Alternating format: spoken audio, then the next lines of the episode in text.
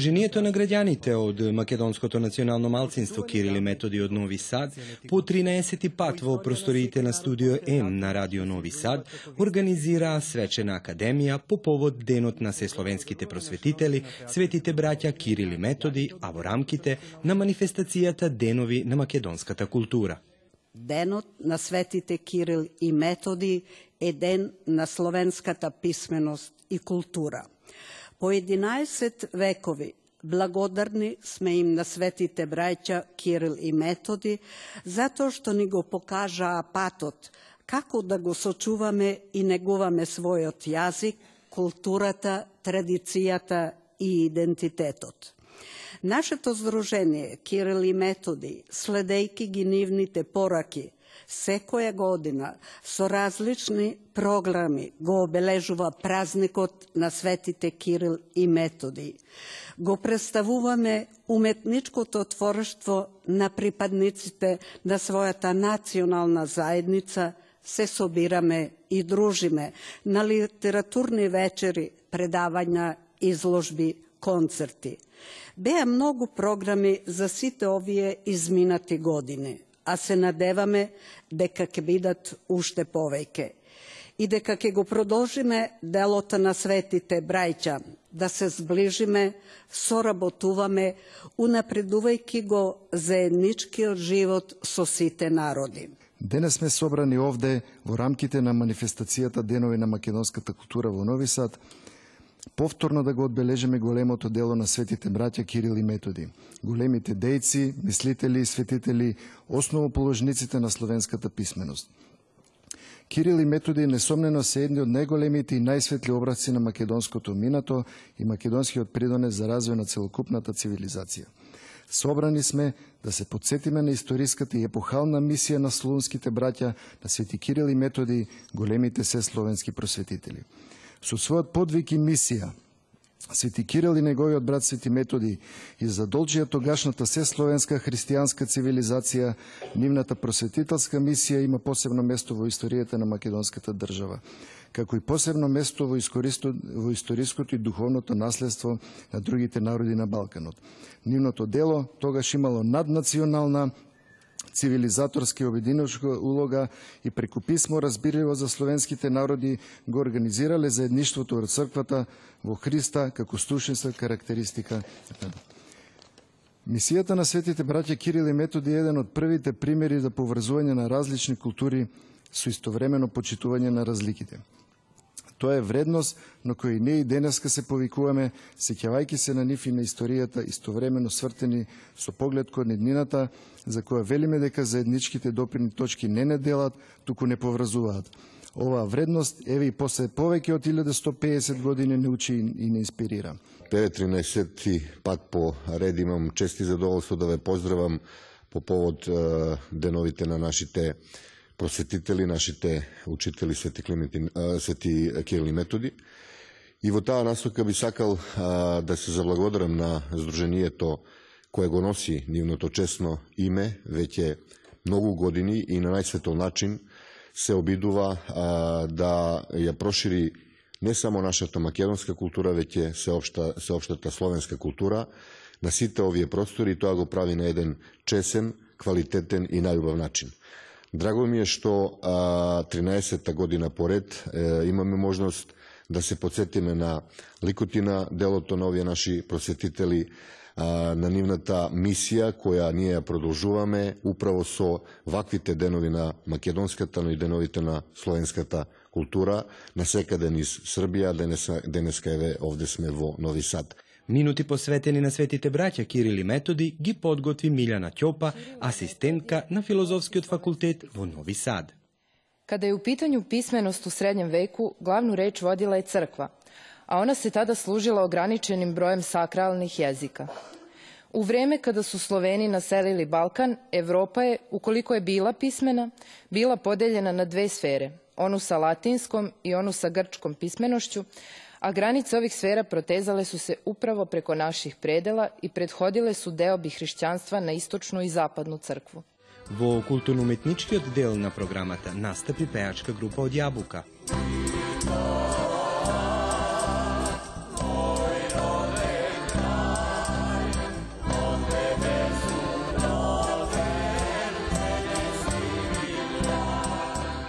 Учениците од Средно музичко училиште Исидор Бајќ од Нови Сад, Симона Деретиќ, Исидора Крмпотиќ и Елена Клисуриќ.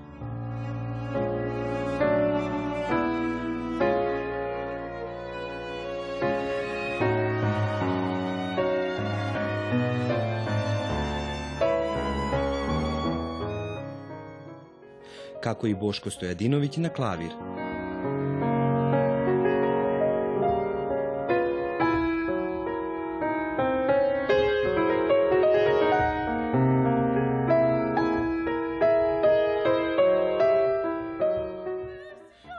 Вокалната солисткиња сопран Силвија Минеа во придружба на Маја Груиќ на клавир.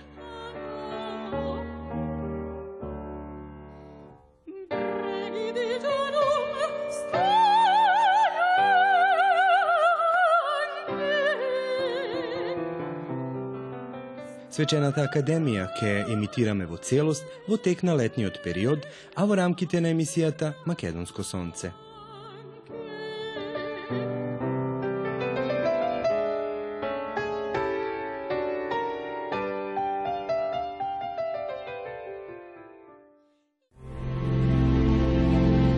Гледате палету. Избор из емисија на језицима национални заедница.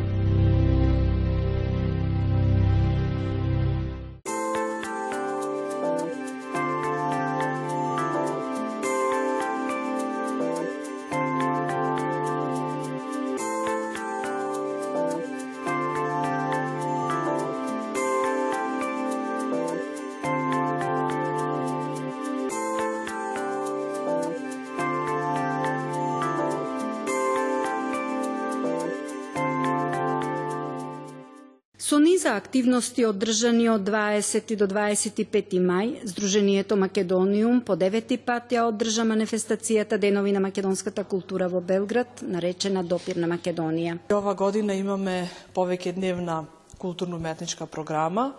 Почнавме со концерт Заедниците заедно, на која што ги представивме покрај македонската музика, фолклор, изворна песна преку културно-уметничкото друштво Тоше Проески од Качарево, културно-уметничкото друштво Виногради од Гудурица и ансамблот кој што работи при нашето здружение Македониум.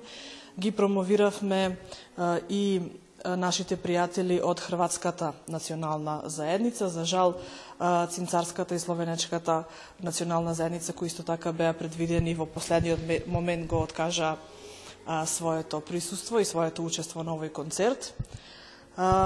Деновите на македонската култура се одржуваат во установата за култура Стари град во Пароброд. Со оваа установа на културата, Сдруженијето Македониум годинава првпат соработува и поетската вечер беше првиот од четирите настани од предвидените шест кои се одржа во овој простор. На поетската вечер ќе ни се представат пет еминентни македонски современи поети, млади поети, кои ќе се представат преку своето творештво, но ќе представат и дел од традиционалната македонска поезија. Они се а, сите од Скопје. А, од Скопје ќе ни се представи и ликовната уметничка Калина Брајковска а, со изложба позади виножитото. Изложбата ќе трае пет дена, исто така во Установата за култура Стари град. Потоа ќе имаме и а, проекција на а, неколку краткометражни играни македонски современи филмови кои се кои што се наградувани овде на филмските фестивали во Белград и се разбира она зашто ја правиме целата ова манифестација по повод чествувањето на празникот Свети Кирил и Методи, ќе имаме свечена академија на самиот ден на одбележувањето на овој празник. Манифестацијата Ден на македонска култура продолжи со свечената академија, каде што имаме учество на повеќе културни уметници. Пред себе ги издвоил поетот Филип Димковски од Прилеп, гостување на младата виолинистка, потекло од Македонија, ансамблот на културниот ансамбл од Прилепе Пере Тошев и имам одредено читање и за значењето и важноста на Свети Кирил и Методи, кој представуваат еден добар символ на спојување на повеќе култури и идентитети преку, преку јазик. Завршуваме со македонската македонската вечер, каде што ќе имаме музичка група од Скопје и ќе уживаме македонската музика и храна. Со тоа завршува деновите на македонската култура. Со организирањето на разновидни активности со голем број на учесници, организаторите ја исполнија целта на манифестацијата. Целта на, на ова манифестација а, не се менува од година до година. А, добро се посетени сите манифестации, има голем одзив на луѓето, не само на македонци, туку и на а, љубители на македонската а, култура кои што живеат тука во Белград. Според организаторите, македонците кои живеат во Република Србија, следејќи ги организираните настани во рамките на деновите на културата, имаа вистинска прилика да уживаат со сите сетила.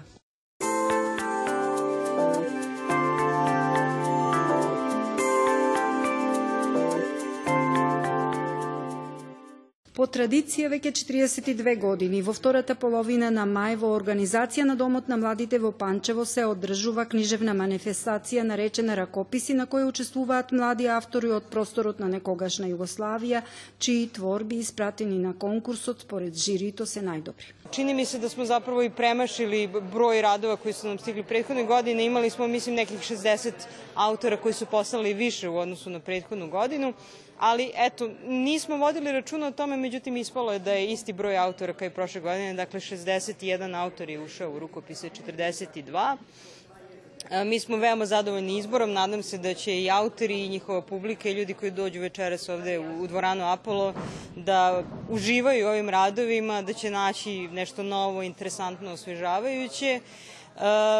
Naravno, ove godine imamo autore iz regiona koji su gosti. Došli su nam gosti Slovenije, Hrvatske, Bosne i Hercegovine, Crne Gore, Makedonije. Ja znam da smo mi u Makedoniji vrlo onako popularni i uvek imamo jako lep odziv autor iz Makedonije. E, imali smo jako dobru saradnju s urednicima, počeo Zvonka Tanjskog koji je bio deset, ako ne i više godina unazad urednik, urednik za Makedoniju. E, takođe bio nam je tu prošle godine Petar Andonovski. Ove godine je tu Iskra Peneva koja živi u Srbiji, ali piše i na srpskom i na makedonskom. I na neki način ta saradnja se dakle nastavlja u dobrom pravcu. Младите поети и писатели го препознаваат овој конкурс и од година во година бројот на пристигнатите творби е се поголем. Пристигнаа повеќе од 360 трудови, поезија и кратки раскази од сите републики бивша Југославија. Значи, имавме задача да прочитаме преку илјада трудови.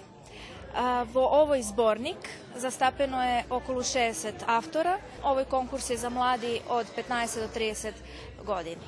Од Македонија застапено е застапени се четири автора: Моника Стојановска, Демијан Карамфилов, Стефан Марковски и Билјанат Димко.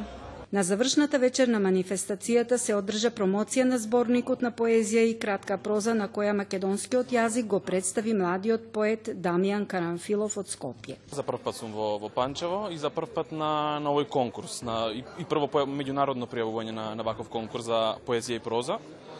Оваа година пратив е, три песни, од која нормално едната од нив влезе во, во оваа збирка, да, Рукопис 42. Во зборникот е, се застапени мали прелудиуми, е, тоа се збир на, на, на четири мали парчиња, кои се е, одвиваат во, во, во еден ден, во едно деноноќие, и како што течел денот од сабајлето до вечерта се се собрани во тие мали прелудиуми. Испразни го паричникот на сајмот за книга и нема повеќе да ти тежи мирувај джебу во месецот што следи.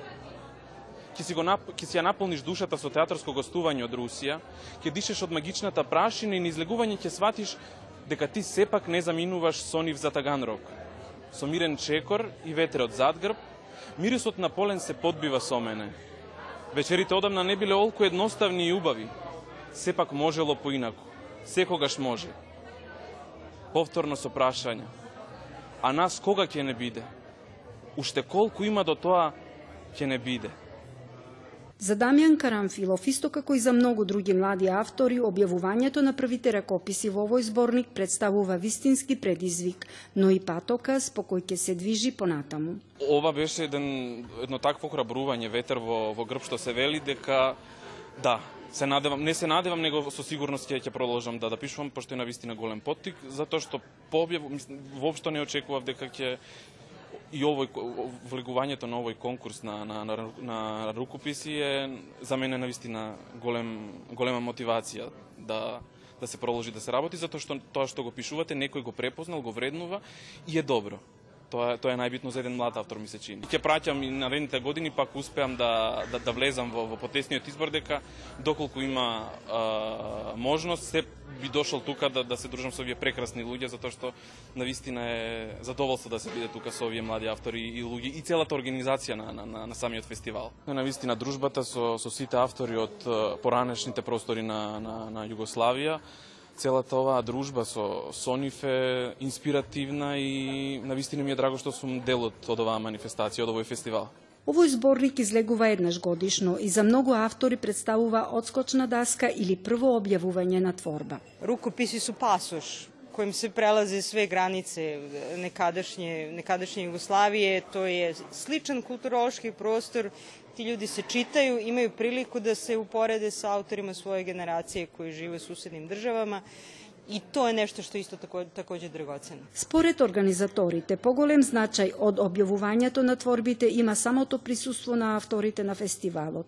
Искуството стекнато во работата на работилниците, нивното дружење, запознавање, помагање, новите контакти и идеи ќе представуваат добра подлога младите поети и писатели да чекорат со нов елан во совладувањето на нови простори и жанрови.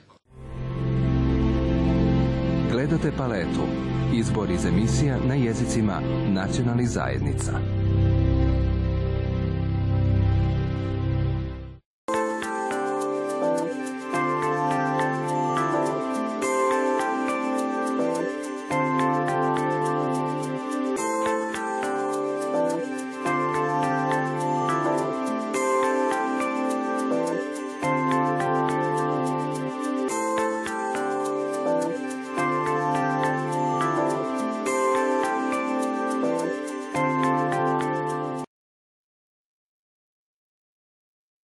Во рамките на 13-та манифестација Денови на македонската култура во Нови Сад, во просториите на Културниот центар на Војводина Милош Црњански, на 29 мај отворена изложбата на скулптури на академскиот вајер Синиша Новески. Деновите на македонската култура во Нови Сад стана традиционална манифестација препознатлива по тоа што ги презентира нашите истакнати уметници и научни творци, од различни области, пред се најшироката публика која сочинуваат македонците и припадниците од другите заедници. Представувајќи ги уметниците и нивните дела, се трудиме да го сочуваме својот јазик, култура и традиција. Ми представува чест и задоволство вечерва да го поздравам нашиот македонец, Синиша Новески, истакнат ликовен уметник, кој во Србија создава дела со кои ги поврзува народите на овие простори. Господин Синиша Новески со своите дела зборува за човекот и неговиот живот, за историјата, митовите, љубовта. Зборува за Македонија и Србија, земите во кои народите се многу близко поврзани и тоа не само географски, а оваа изложба истото го потврдува. Изложбата е отвори ликовен уметник Лазар Марковиќ. Синиша постави еден одреđen ликовни проблем кој има своју тематску причу и кој има своју естетску причу, ликовну причу, i e, svoju neku unutrašnju priču koju vrlo često ni sam umetnik nije svestan, ona može da bude podsvesna i da se orijentiše tek kasnije da se oseti e, zbog čega je nešto rađeno. E, ovde ako pogledamo po samim legendama, dovoljno ste svi imali vremena da vidite, znači većina ovih skulptura je rađena u bronzi i ako se ne maram, tri sam izbroje, rađena je u polimermanu. Tematika celokupne izložbe ženski akt. Način na koji Siniša predstavlja ženski akt, kažem, način ne mislim ni na likovnu poetiku, ni na vizualni doživljaj, nego na odnosu prema ženi. Znači, to nešto slično možemo naći kod Renoara, znači, opet se ograđuje, ovo ne liči na, na, na Renoarove slike nagog ženskog tela, možemo naći neku određenu bliskost kod, u poređenju sa Majelom. Ali dalje, ni kod jednog, ni jedan ni drugi umetnik i Siniša nemaju onu povezanost koja bi se mogla gledati kroz jednu određenu likovnu poetiku, pa da kažemo istinne likovna poetika. Znači, ovde je prevashodno inspiracija i odnos prema ženskom, ženskom telu. Новески дипломира во Скопје 2002 година на Факултетот за ликовна уметност на Оцек за скулптура во класата на професор Васил Василев. Благодарам вас што Македонското служение во Нови Сад упати покана за да изложувам во еден доста интересен и за мене голем предизвик град како што е Нови Сад, град на културата и уметноста. Се чувствувам многу позитивно и возбудено како секогаш пред секој отвара на било која изложба. Публиката вечерва ќе биде 15 скулптури, јас направив одредена селекција, значи имам од постарите скулптури, од поновите и така да воглавно се скулптури фигурација, тематиката е најмногу поврзана со, со човекот, со екзистенцијата, со фамилијата, така да имам од мојата фаза на парови, од мојата фаза на митологија и последната фаза исто на, на, на историски, историски е, тематики и повторно се враќам кон фамилијата. Секоја скулптура први се работи во глина и во гипс, после секој автор се одлучува дали тоа ќе биде бронза, мермер или некој друг материјал. Најмногу јас работам скулптури во бронза, мермер, камен и дрво. Е сега би работел и други други е, материјали, посебно инсталација, меѓутоа сега за сега сум сконцентриран на галериска скулптура, мал формат и материјал бронза, камен или дрво. Посебно драга ми е последната скулптура фамилија или породица, сега што е работев, како едно прочистено дело и спој на предходното искуство и сегашното искуство. Доста интересна скулптура е скулптурата Мајка Македонија, која беше скица за изградба на споменик по повод 70 година преселба на македонците во Војводина. Меѓутоа, тој процес уште трае, не е завршен, се надевам дека ќе стигнеме и тој скулптура и тој проект да оставиме во, во, во Панчево, кој ќе остане како трајно обележје на македонците кои живеат во Србија, Војводина. Исто драга ми е скулптурата Македонија и Србија, тој сакав да направам некој спој и блискост помеѓу Македонија и Србија, представајќи како две сестри кои седат и разговараат и шират позитивна а, енергија и секако се извор на добра културна и уметничка размена. Тој и поентата на, на, на, на, на македонците тука да вршиме културна и уметничка соработка со, со, со Србија, која не врзува и доста сме слични и соработуваме. Културата е мост кој ги поврзува народите. Отворање на оваа изложба е само еден од придонесите на збогатувањето на културната понуда во идната Европска престолнина на култура.